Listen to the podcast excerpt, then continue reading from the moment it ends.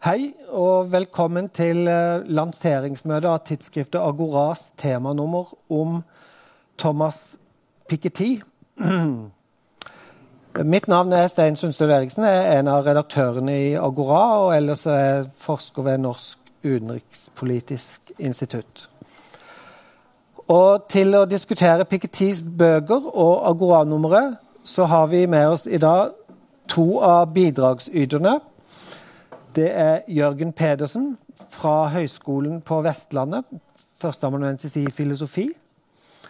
Og Ingrid Hjertaker fra Høgskolen i Innlandet. Og så har vi også med oss Sigrun Aasland, nestleder i Tankesmien Agenda. Eh, før vi begynner på diskusjonen, så tenkte jeg å kort si litt om Piketty, hans bøker, og om eh, dette temanummeret. Thomas Pikettys to bøker, 'Kapitalen i det 21. århundre' og 'Kapital og ideologi', har vært med på å sette økonomisk ulikhet på den politiske dagsorden. Selv om den økonomiske ulikheten vokst, har vokst kraftig i nesten alle land i verden fra 1980-tallet, var det inntil nylig relativt lite oppmerksomhet, politisk debatt, rundt dette. Og når det har endra seg betraktelig de siste åra, så skyldes det ikke minst de to bøkene til Piketty. 'Kapitalen i det 21. århundre', den første boka, som med sine banebrytende analyser av historiske data dokumenterte den kraftig voksende økonomiske ulikheten i vestlige land. Den viste også kapitalistisk, at kapitalistiske økonomier har en iboende tendens til å skape stadig økende ulikhet. Som bare kan motvirkes gjennom kraftige politiske eh, virkemidler og tiltak. Og denne boka bidro til at ulikhet ble anerkjent som et grunnleggende samfunnsproblem også av institusjoner som IMF, Verdensbanken og OECD. Eh, ikke minst bidro den til å rette oppmerksomheten mot den enorme konsentrasjonen av rikdom og formue på toppen av det økonomiske hierarkiet. Og på hvordan dette også er med på å um, undergrave det demokratiske systemet. I den nye boka 'Kapital og ideologi' er perspektivet utvida med data fra enda flere land, verdensdeler og historiske epoker. Det overordna temaet i denne boka er hvilken rolle ideologier spiller i legitimeringen av ulikhet.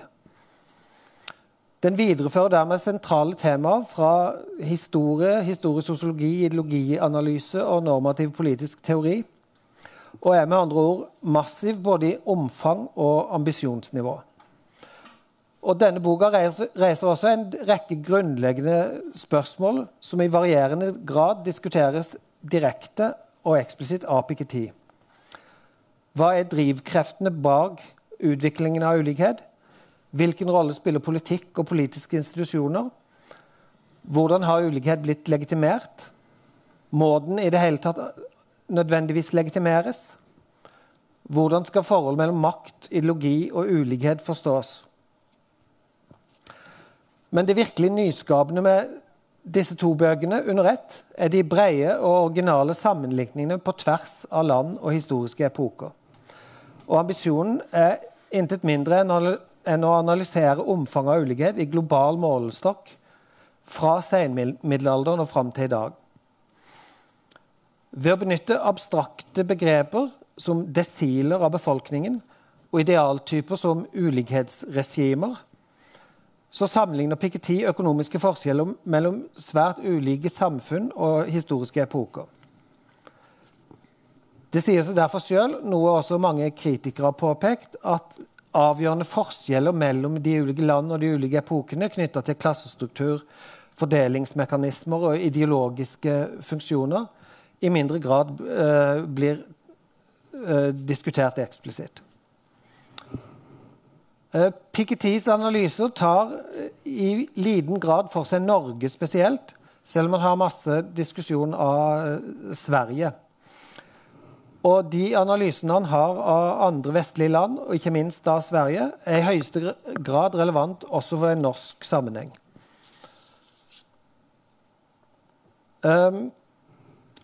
Selv om ulikheten har økt i, også i Norge de senere åra, så har det skjedd i, i, mindre grad enn det som har vært tilfellet i, i, de fleste andre vestlige land.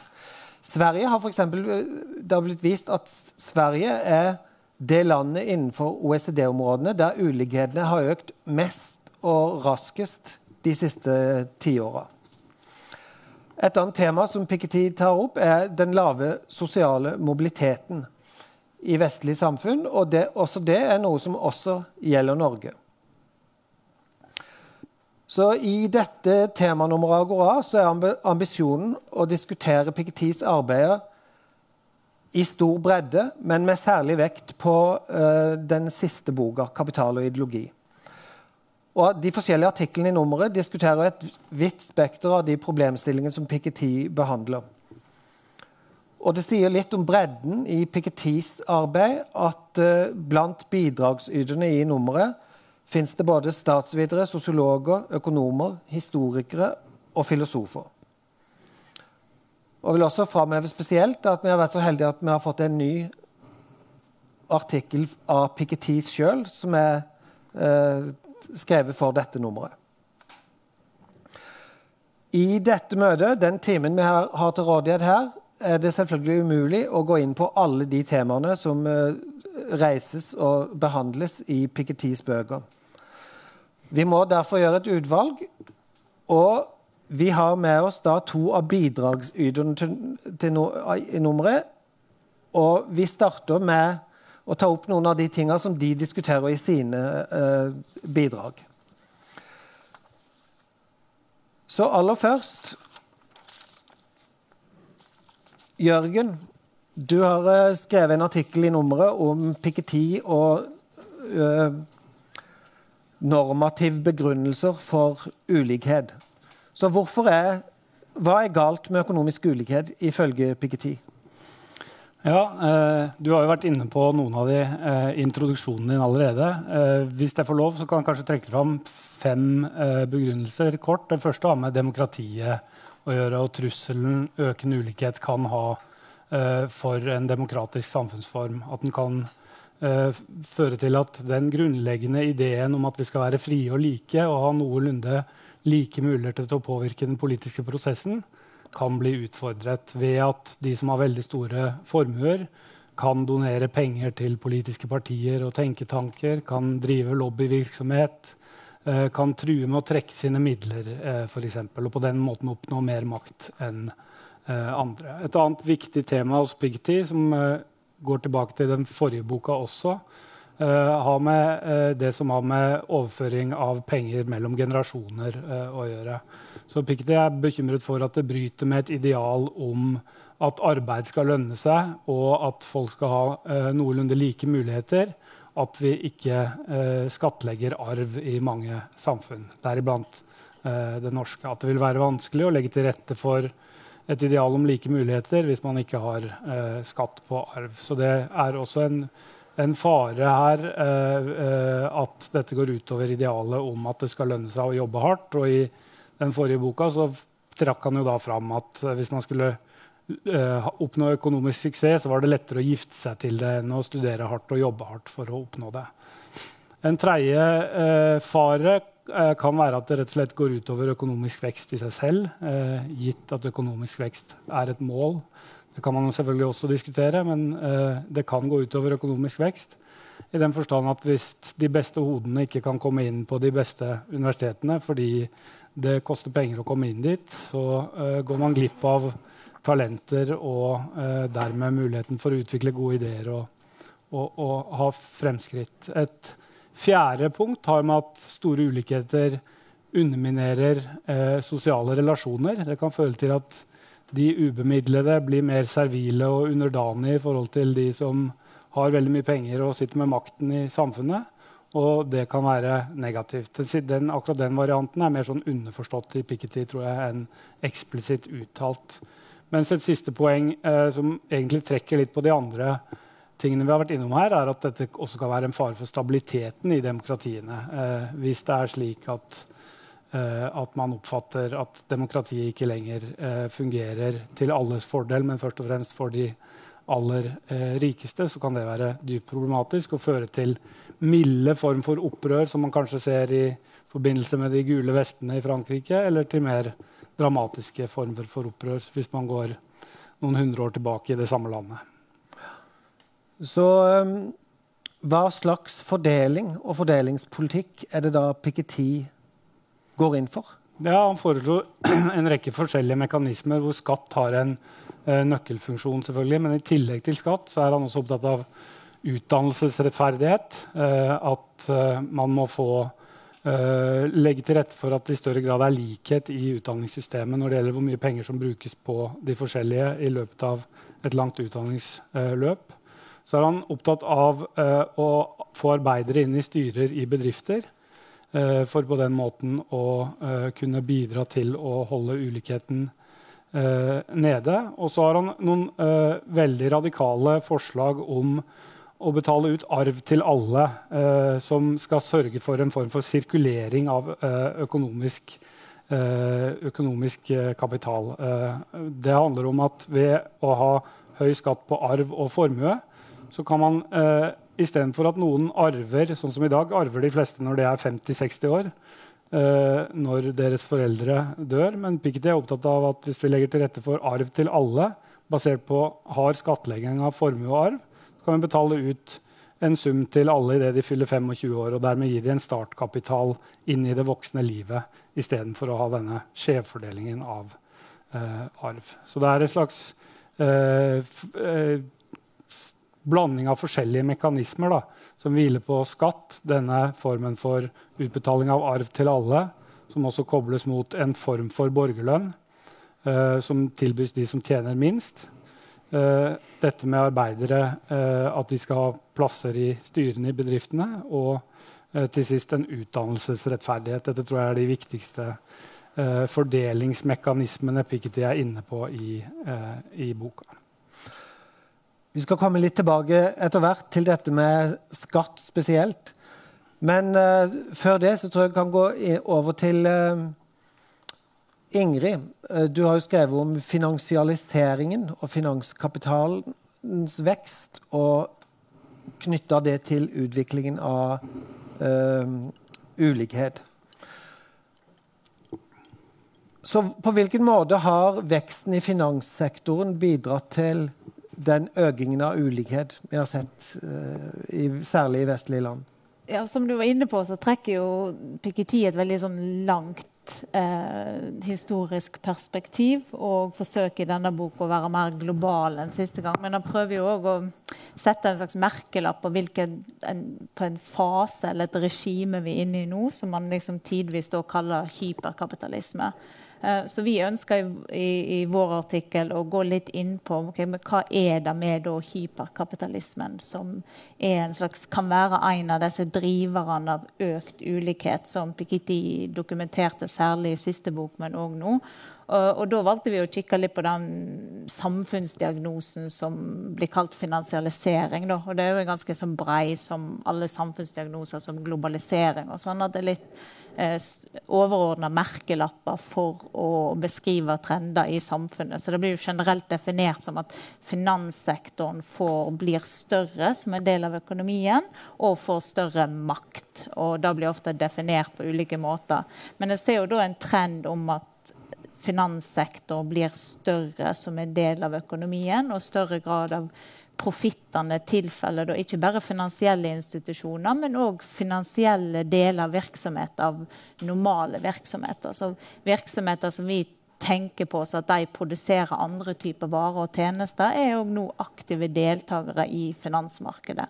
Når finans... Um, krisa traff i 2008, så viste det seg at General Electric, som egentlig er et sånn elektronikkselskap som opprenner med å starte med å produsere lyspærer, at de sto bak ofte opp til en femtedel av boliglånene i USA. De hadde da investert tungt inn i finansmarkedene. Så det vi ser da, er en orientering mot eh, finansmarkedene i hele næringslivet. Og vi, I artikkelen går vi gjennom konkrete eksempler på det. at eh, selskap blir veldig opptatt av aksjekursen sin, og da eh, som en konsekvens av da eh, investere mindre i sine egne bedrifter. Uh, og virksomheter blir gjerne sett av finansmarkedet som en samling av aktiver heller enn en uh, helhetlig bedrift. Så vi ser òg en oppsløsning av en type selskap. Vi går gjennom hotellbransjen som en eksempel for å vise hvordan dette er ulikhetsdrivende. Og hvis du går inn på et Marriott-hotell i dag i en by i verden, så vil de som da vasker rommet ditt, de vil gjerne være ansatt av et selskap som er et hotel management-selskap de er bemanningsselskap. De er ikke ansatt av selve Marriott-selskapet. Og bygningen som du er i, er heller ikke eid av Marriott. Det er typisk et eiendomsselskap som eier da hotellet. Mens da selskapet Marriott som sitter på toppen, som eier merkevaren, som står på uniformen til det selskapet, de selskapene trekker til seg en større del av profitten i eh, næringslivet og mindre tilfaller da de som er arbeidere på bunnen. De selskapene som ansetter flest folk i dag, sitter igjen med en mindre del av overskuddet. Og dette kaller vi da eh, inspirert av den amerikanske statsviteren Herman Swartz for en økende grad av sånn wedding cake economy. Man tenker seg disse her amerikanske bryllupskakene som er i store lag. At færre og færre av oss jobber i virksomheter som tjener særlig med overskudd. Men de selskapene som sitter igjen med de store overskudd i en finansialisert økonomi, det er finansnæringen, det er tech-selskaper, det er selskaper som sitter med særlig intellektuell eiendom. De tjener fortsatt gode penger. Deres ansatte har fortsatt relativt høye lønninger. Men for resten av virksomheten så er det da selskaper som går vokser lite, har lite overskudd, og da blir det òg med svekka fagforenings trender som vi ser òg eh, under finansialisering, så blir det da en, en av disse driverne av ulikhet. Så hvorfor eh, Du beskriver en tendens der større del av kapitalen eh, forflytter seg inn i finanssektoren, til forskjell fra å gå til mer sånn produktiv eh, virksomhet. Hvorfor fører det i seg sjøl til større ulikhet? Det er jo eh, fordi at de altså Det er jo gamle teorier om hvem det har som har en tendens til å bruke penger. Eh, si at hvis jeg skulle, eller noen av oss skulle fått 10 000 mer i lønn i måneden, så ville vi hatt en tendens til å forbruke de pengene fordi vi har så lite for før. Men hvis Stein Erik Hagen får økt eh, sin inntekt, så vil det meste gå til sparing. Det er bare begrensa hvor masse du kan forbruke eh, når du er svært rik. Det, på, I økonomifaget kaller man det sånn 'marginal propensity to consume'. Og da når inntektene tilfaller en mindre andel av befolkningen, så er det mer av det som blir satt ut til sparing der. Um, og ikke blir reinvestert fordi det er veldig lite grunnlag for å bygge opp samla etterspørsel i økonomien når lønningene vokser mindre for de som for store deler av befolkningene, men økende delen av inntektene tilfaller da eh, de på toppen av eh, inntekts- og formuesfordelingen. Så den tendensen til at kapitalen flyr i retning finanssektoren, den må jo også ha noe med Hvorfor gjør den det i utgangspunktet? Har det med at lønnsomheten i andre næringer faller? Ja, altså det er jo både sånn, som vi er inne på eh, tendensen, at det er sånn strukturelle eh, trender i økonomien. med At vi er i en fase med avindustrialisering og svekka produktivitetsvekst, som økonomer gjerne forklarer òg med teknologiske endringer. at det er Eh, så er vi i en periode med svakere vekst i utgangspunktet. Og da for å få avkastning så er det mer attraktivt å investere i finansielle innovasjoner og verdipapirer som baserer seg på derivater eller gjeldsprodukter for å få avkastning, enn å forsøke å, å, å, å bygge opp eh, eh, nye typer virksomheter. Men du har òg selvfølgelig den politiske dimensjonen av det, at finanssektoren er blitt deregulert i store deler av Vi fokuserer i vår artikkel primært på den industrialiserte delen av verden. Men så finanssektoren har fått mye friere eh, tøyler til å til å tjene penger, rett og slett, og til hvilken type risiko de kan ta, og hvilken type investeringer de kan gå ut av, som relativt sett gjør da realinvesteringer mindre attraktive. Her kommer jo da politikken inn. Mm. Altså hvis en underliggende faktor her er dereguleringen av finansmarkedet. Mm. Piketty forklarer jo langt på vei politiske endringer og utvikling av ulikhet som et resultat av ideologiske forhold. Så hva slags ideologiske eh, begrunnelser er det som ligger bak en sånn endring i politikken i retning av frie kapitalbevegelser og deregulering? Altså, vi, vi, jo, vi, er jo enige med Piketty der at liksom, dette skiftet ser vi ligger i 70-tallet, da en del sosialdemokratiske land hadde en del økonomiske utfordringer med at du hadde både høy grad av inflasjon og svak økonomisk vekst samtidig. Eh, som gjorde at de eksisterende måter å tenke rundt forholdet mellom eh, Eh, marked og stat og de rådende økonomiske modellene innenfor økonomifaget ble liksom stilt spørsmål ved, og det var åpent for konkurrerende ideologier. Men vi har valgt særlig å fokusere på hvordan økonomifaget har vært med på å eh, skaffe en ideologisk begrunnelse for en type høyrevridning i regulering av økonomien, og i vårt fokus da regulering av finanssektoren eh, spesielt. Og Der er jo da en faglig begrunnelse med at frie kapitalmarkeder og finansmarkeder de er de som er best egnet til å allokere kapital dit hen i samfunnet der det gir mest avkastning, og da vil automatisk legge til grunn for økonomisk vekst i framtida og produktivitetsvekst. Så selv om vi har sett empirisk at veldig mye kapital har jo ikke flytt inn i produktiv virksomhet, men i mer spekulative bobler i boligmarkedet. Vi har hatt masse aksjebobler der. Vi har nå bitcoin-bobler og bobler i kunstmarkedet. Men det har vært begrunna at stater og statlig regulering er veldig dårlig egnet i henhold til denne ideologien til å regulere kapitalallokering i samfunnet. Hvor vi skal investere pengene våre, og hvordan de best kan eh, kaste av seg for å skaffe fremtidig vekst. Men at det har vært en ideologi som forsvarer at staten burde trekke seg tilbake og la finansmarkedene sjøl få allokere kapital. Og det vil de gjøre på en rasjonell og effektiv måte i henhold til denne tenkemåten. Og den var fram til 2008 dominerende i finanstilsyn og i veldig mange økonomiske på universitetene, på økonomiinstituttene, veldig mange steder i verden. Uh, ta et lite sideblikk til Norge her. Altså Sigrun og dere i Agenda jobber mye med uh, eller primært med Norge og norsk politikk, mm. og har vært opptatt av dette med den norske modellen.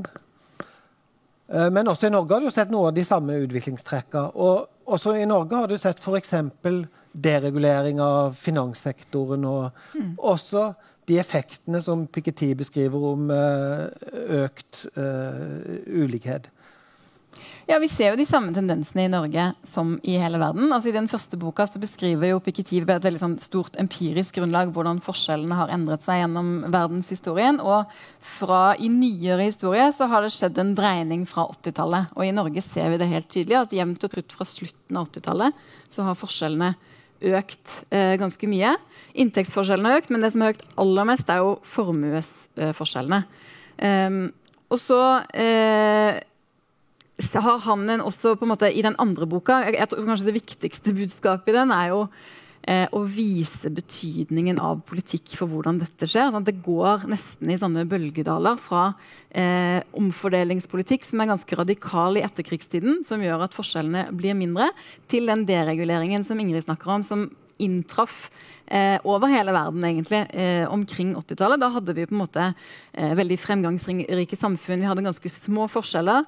Eh, og det var en veldig sånn tro på at det, nå kan markedet eh, løse samfunnsproblemene. Og nå kan vi overlate mer til markedene. Og så har forskjellene økt som følge av det. Og så syns jeg det er interessant hvordan, eh, I den første boka så ble jo Piketty kjent for å, eh, denne tesen om at hvis R er større enn G, så vil forskjellene øke helt av seg selv. som du innledet med. Altså Hvis avkastningen på kapital er større enn lønnsveksten, så vil forskjellene bare bli større og større.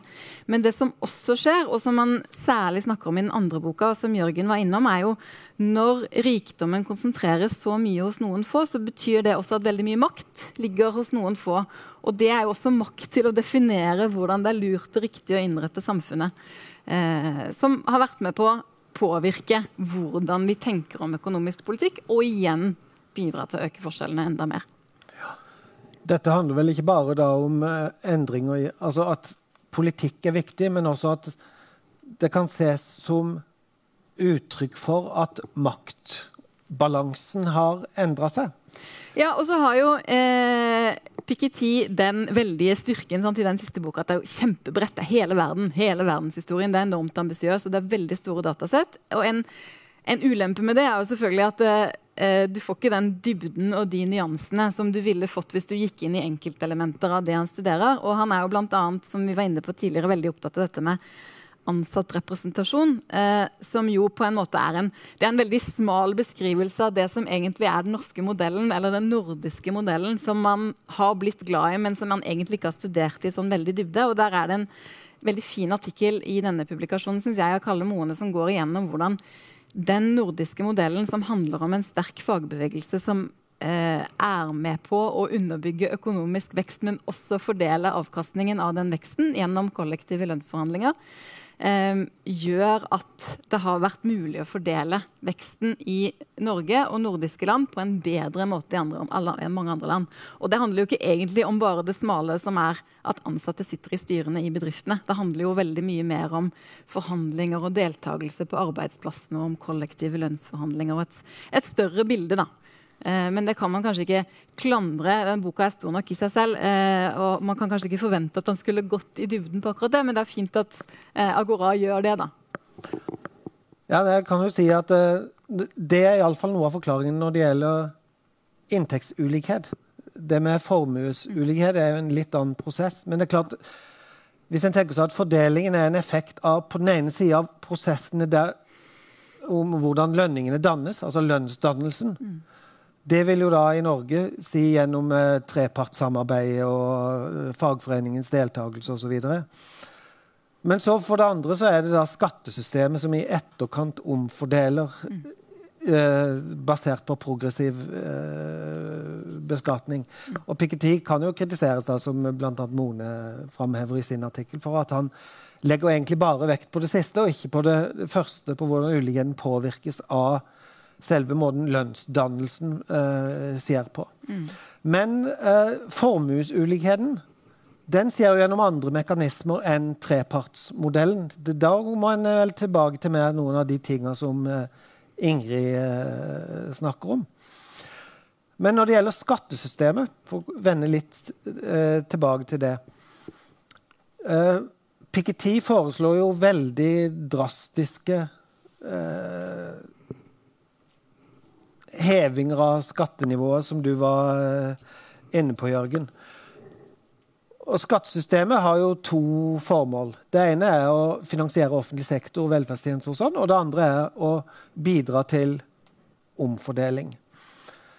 Men spørsmålet er, i en globalisert verden, hvor stort handlingsrom har egentlig statene til å gjennomføre noe i nærheten av den typen radikal eh, endring i skattepolitikken som det Piketty eh, anbefaler? Ja, Det er et viktig spørsmål. Jeg tror kanskje det starter med å si hvor radikale forslagene er på de konkrete skattemekanismene. Altså, eh, noe Piketty allerede viste i eh, den 2013-boka, eh, var at i en periode fra 1930 til 1980 så hadde man særdeles høy skatt på arv og inntekt i USA og i Storbritannia.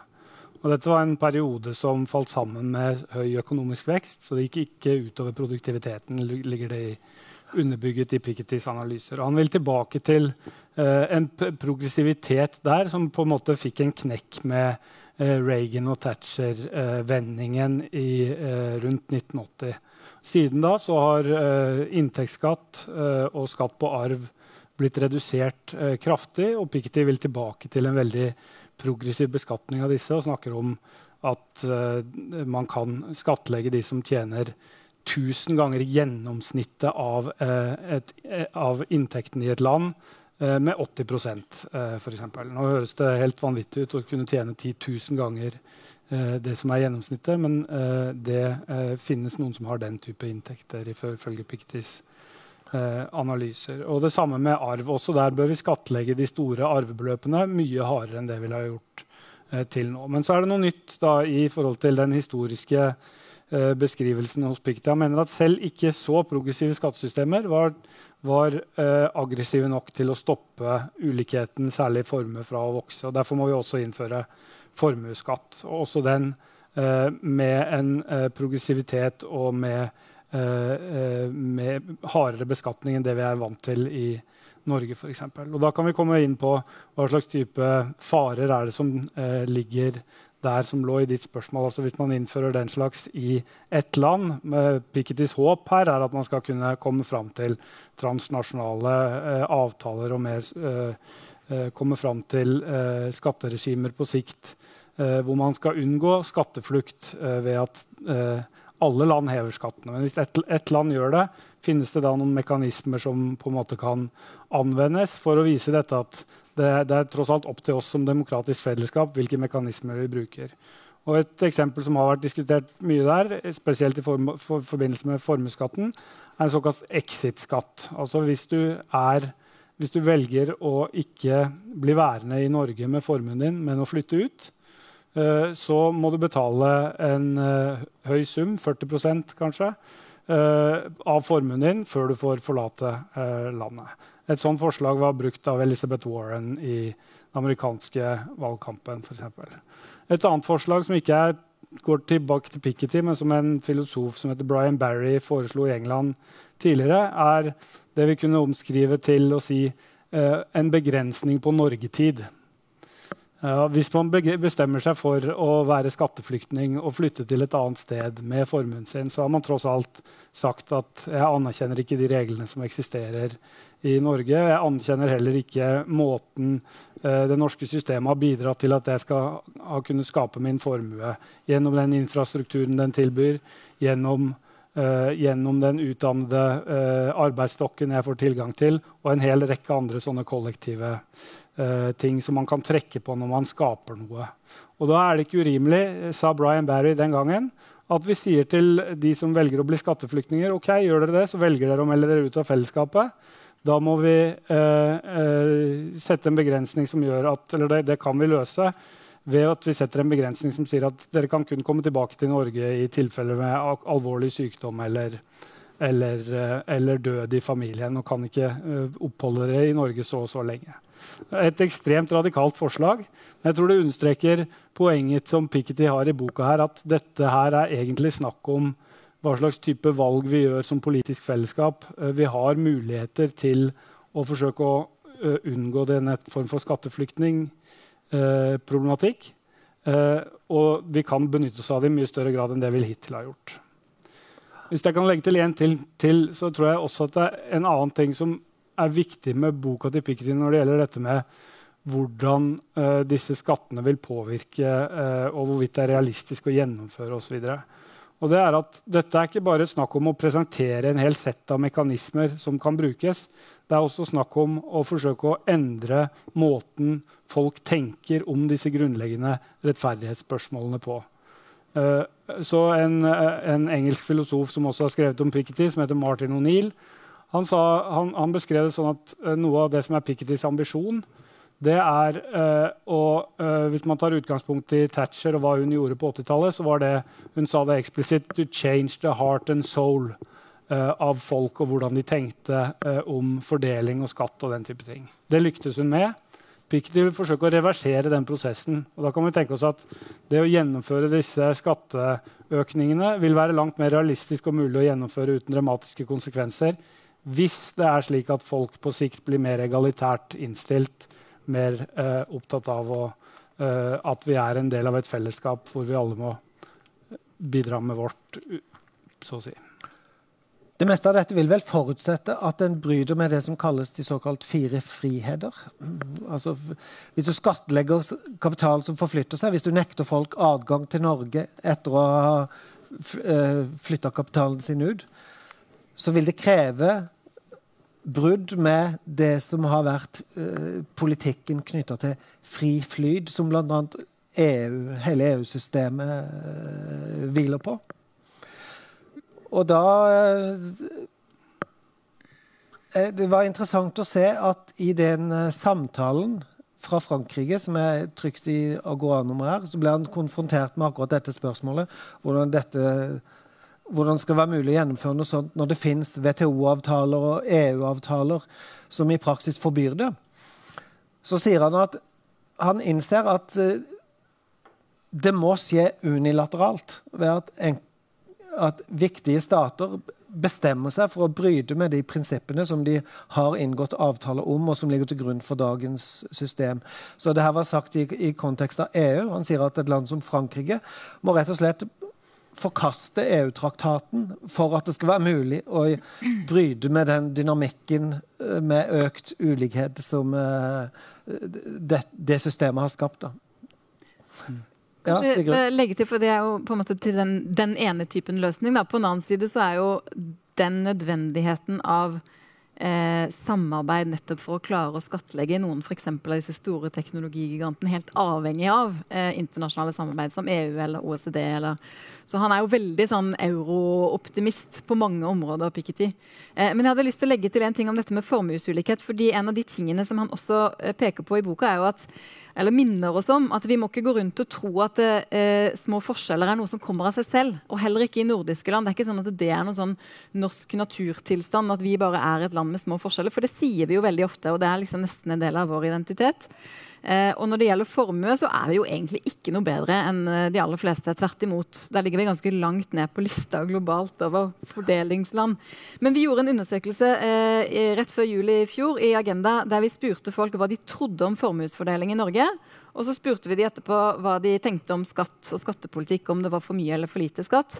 Og det var veldig tydelig to ting. Det ene var at det store flertallet aner ikke hvor store formuesforskjellene er. De undervurderer de ganske dramatisk.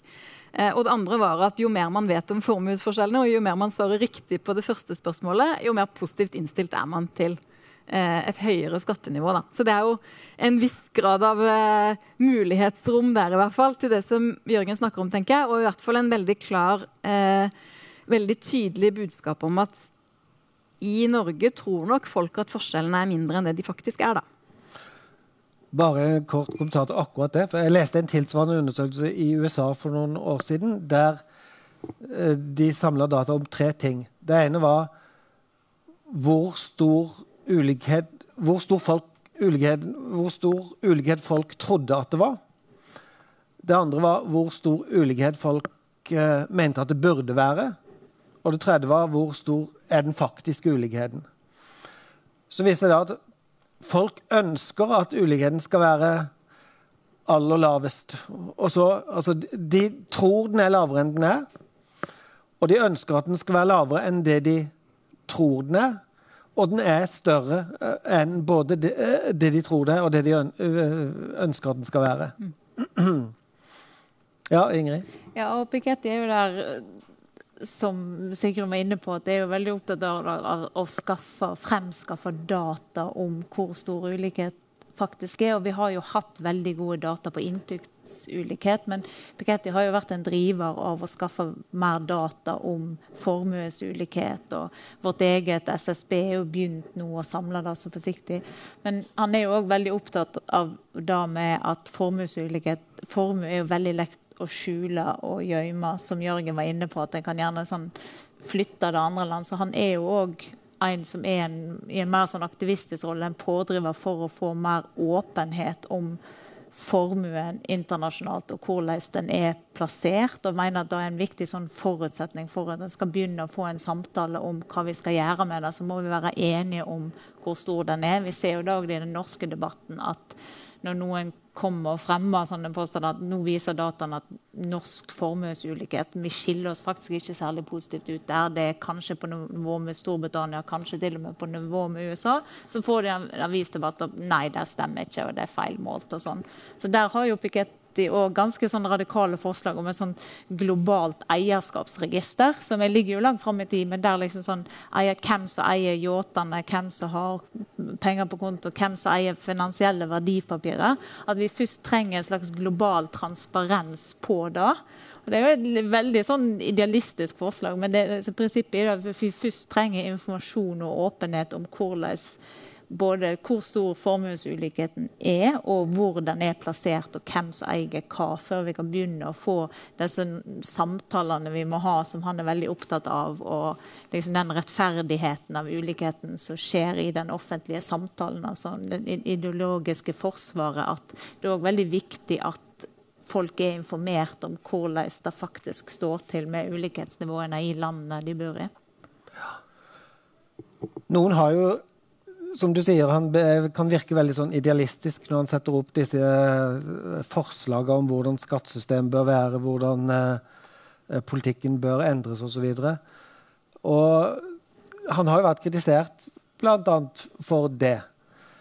For eh, det er jo ikke sikkert at, at det er så lett å gjøre noe med uligheten bare fordi folk får mer kunnskap om det. Det må mer endringer til enn informasjon. Og dette går litt tilbake på det Sigrun snakka om, om eh, fagbevegelsens rolle og maktbalanse. At eh,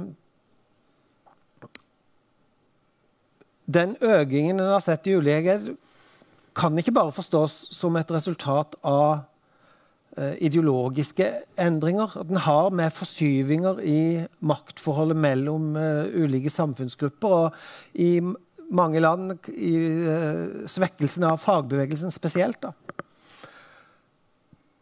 Og i så fall så vil det jo være vanskelig å få drevet fram noen endringer og en slags reversering av den politikken uten at du får bygd opp en politisk maktbase som gjør Eh, den endringen som har skjedd.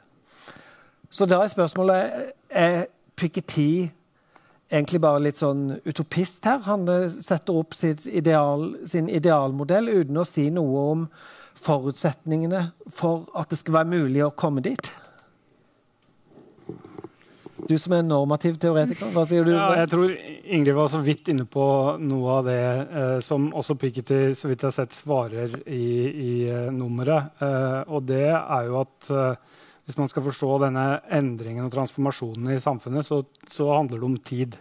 Så det er ikke snakk om at, skal, at vi skal justere opp disse skattene som er foreslått uh, veldig raskt uh, i løpet av de neste årene. Så dette må skje som en gradvis transformasjon, og altså da også i, med et håp om at vi kanskje kan være på vei inn i en tid Han skriver noen ganger, bruker ordet 'switch point', altså at 2020-åra er sånt Eh, en mulig vending. Nå har vi en klimakrise, vi har et covid, og vi har fått, begynt å få et litt annet sånn type syn på hva slags rolle staten kan og kanskje må spille hvis de skal løse de aller store, største utfordringene.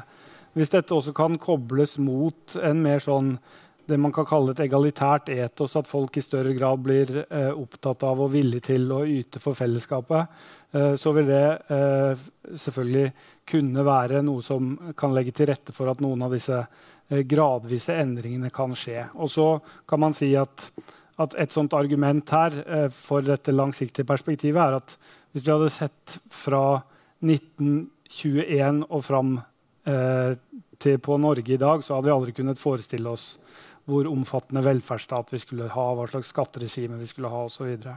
Dermed kan vi heller ikke eh, rett ut av, eh, eh, avvise at noe som ligner en form for deltakende sosialisme, som er det Piketty forsvarer, eller eh, noe litt mer eh, nedgradert kanskje, kan realiseres i løpet av de neste 100 årene. Du kom inn på dette med deltakende sosialisme. Altså, Piketty er jo det, er det han kaller sitt forslag til hvordan fordelingen uh, burde være. Han er jo sjøl en tilhenger av sosialistpartiet i Frankrike. Samtidig så er han jo i den siste boka veldig kritisk til de sosialdemokratiske partiene og den politikken de har ført de uh, senere åra. Og um, i hvilken grad syns dere den kritikken er treffende, f.eks. For, for Arbeiderpartiet? Du ser på meg? Ja. ja eh, han er jo eh, kritisk til en sånn eh, tidsånd også, da, sant? å forklare litt om hva som har skjedd. Eh, blant annet at man man fikk en veldig tro på markedet. Det gjorde man i hele verden, på tvers av partier. Og han er jo vel så opprørt over partiene lenger til høyre, men kanskje mer skuffet over de lenger til venstre som ikke har vært mer radikale. Um, men han beskriver jo på en måte en sånn pendelbevegelse. At du, fra å veldig, ha en veldig regulerende og omfordelende stat eh, med høye skattenivåer, så har man på en måte liberalisert mer og mer, og mange har blitt med på det. Og nå er kanskje den pendelen litt på vei tilbake.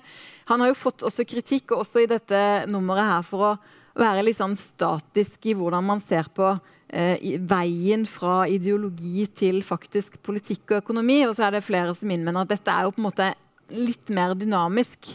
Eh, det er kanskje vel så mye som å klandre partiene for å ha ført feil politikk, så må man forstå dette som hvordan menneskene i det systemet har tenkt, og hvordan forskjeller har vært rettferdiggjort, og hvordan man har klart, gjennom egentlig fra Thatcher og Reagan da, eh, og framover, klart å rettferdiggjøre en veldig lite omfordelende politikk og en veldig sterk tro på at markedet kan løse de politiske problemene selv. Um, så eh, jeg leser vel mer den kritikken som en sånn samtidskritikk av at eh, her har vi vært for naive til eh, i hvilken grad dette kan løse seg selv. Det er behov for mye sterkere lut, eh, og det bør og så er det jo typisk fordi han er, tilhører venstresiden selv, så vil han jo eh, så han ekstra skuffet over den, da, som ikke har vært radikal nok.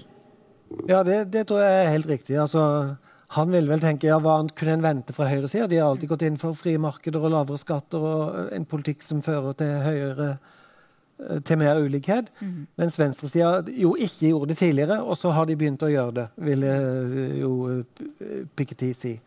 Så det er, sånn sett er jo en slags skuffa sosialdemokrat, eh, om du vil. Men han knytter jo også dette til hvordan synet på privateiendom mm. har utvikla seg. Og, uh, han kaller det for sakraliseringen av eiendom. Kan du si litt om hva han legger i det, Jørgen? Ja, Han snakker om uh, sakralisering av eiendom. At eiendom uh, og privat eiendomsrett blir hevet opp til å bli et sånt uh, hellig prinsipp som man overhodet ikke kan rokke ved.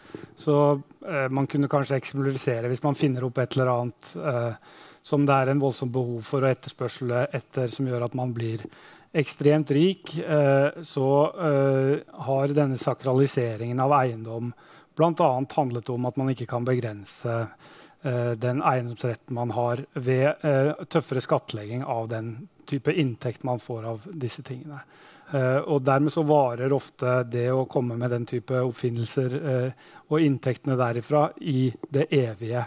Uh, noen blir styrtrike og kan leve av det de har funnet opp i, i, i lang tid. Piketty er for at kapitalen i mye større grad skal sirkulere enn, enn det som skjer med det nåværende regimet, hvor kapitalen konsentreres. Og hvis vi får til en sirkulasjon av kapital, som det er det han er for, uh, så vil det legge til rette for at folk vil kunne delta på like vilkår f.eks. i det politiske liv og det økonomiske liv på en annen måte enn det som har vært mulig under en sånn sakralisering av eiendom. Så vi må på en måte så dypt at vi rører ved spørsmål som har med eiendomsrett uh, å gjøre, og kobler de til skattemekanismer. Eh, så skatt på arv og inntekt er på en måte å gripe inn i forhold til en absolutt eiendomsrett. Men det er ikke nok i forhold til å kunne få til en sånn sirkulasjon av, av, av eiendom og kapital. Man forsvarer jo allikevel privateiendom. Ja, Det betyr ikke at man ikke skal kunne eie sin egen tannbørste eller uh, sin eget, sitt eget hus i et uh, regime uh, som, da er, som, da er, preget av en deltakende sosialisme. Men det betyr at de veldig store selskapene som utfører tjenester som, som, som, er helt nøk nøkkeltjenester for et lands økonomi, ikke skal kunne være på hendene til noen få. Så det, det, skal være rom for små og mellomstore bedrifter, vil vi kalle det i, i, i Norge. Men uh, at vi gjennom skattemekanismene da, i større grad skal begrense den ekstreme kapitalkonsentrasjonen. Uh, og Piketty har vel også uttalt i noen intervjuer at at det ikke lenger vil finnes dollarmilliardærer i et uh, samfunn hvor den deltakende uh, sosialismen er realisert. Så, så det, det, det, det, underliggende fordelingsidealet tror jeg kan forklares ved at Piketty vil sette et tak på hvor mye noen kan eie og kontrollere, og et gulv. Alle må sørges for gjennom f.eks. dette med arv til alle, å ha eh, kapital som kan gjøre at de kan realisere eh, sine forståelser av hva et godt liv er. Så det er, er, er ingen tvil om at det er radikalt, uh, dette. Jeg tenker at En viktig nyanse ligger jo nettopp til deltakerne. Han vil jo at folk skal eie. Det er jo ikke noe ideal i denne hos Piketty om at staten skal eie alt. Eh, befolkningen skal eie, men han er opptatt av denne sirkulasjonen. Da. At det, gjennom omfordelende politikk så skal det ikke være sånn at man akkumulerer altfor mye. Og det skal også være en rettferdighet mellom generasjoner. Men jeg bare tenkte du, da du stilte spørsmål om sakralisering av eiendom fordi Den norske boligpolitikken er jo egentlig et veldig godt eksempel på akkurat hva som har skjedd i den perioden vi snakker om. Man hadde en stor velstandsvekst. Stadig flere i Norge eide egen bolig. Stadig flere ble opptatt av det. Det var et uttalt politisk mål på tvers av alle politiske partier om at det var bra at folk eide egen bolig. Og vi har laget et skattesystem som støtter veldig opp under det, og som har blitt en kjempestor ulikhetsmaskin. Fordi de som eier bolig nå, er jo med på nettopp en sånn akkumulasjon av kapital som de som ikke eier bolig, ikke får være med på. Eh, men, men, det så vi jo ikke da vi deregulerte boligmarkedet på 80-tallet. at det var det som kom til å skje. Da var det et veldig sånn press på at alle vil være med på den veksten. Og nå sitter jeg på denne eiendommen. Jeg vil realisere gevinsten av den veksten som jeg har vært med på å realisere.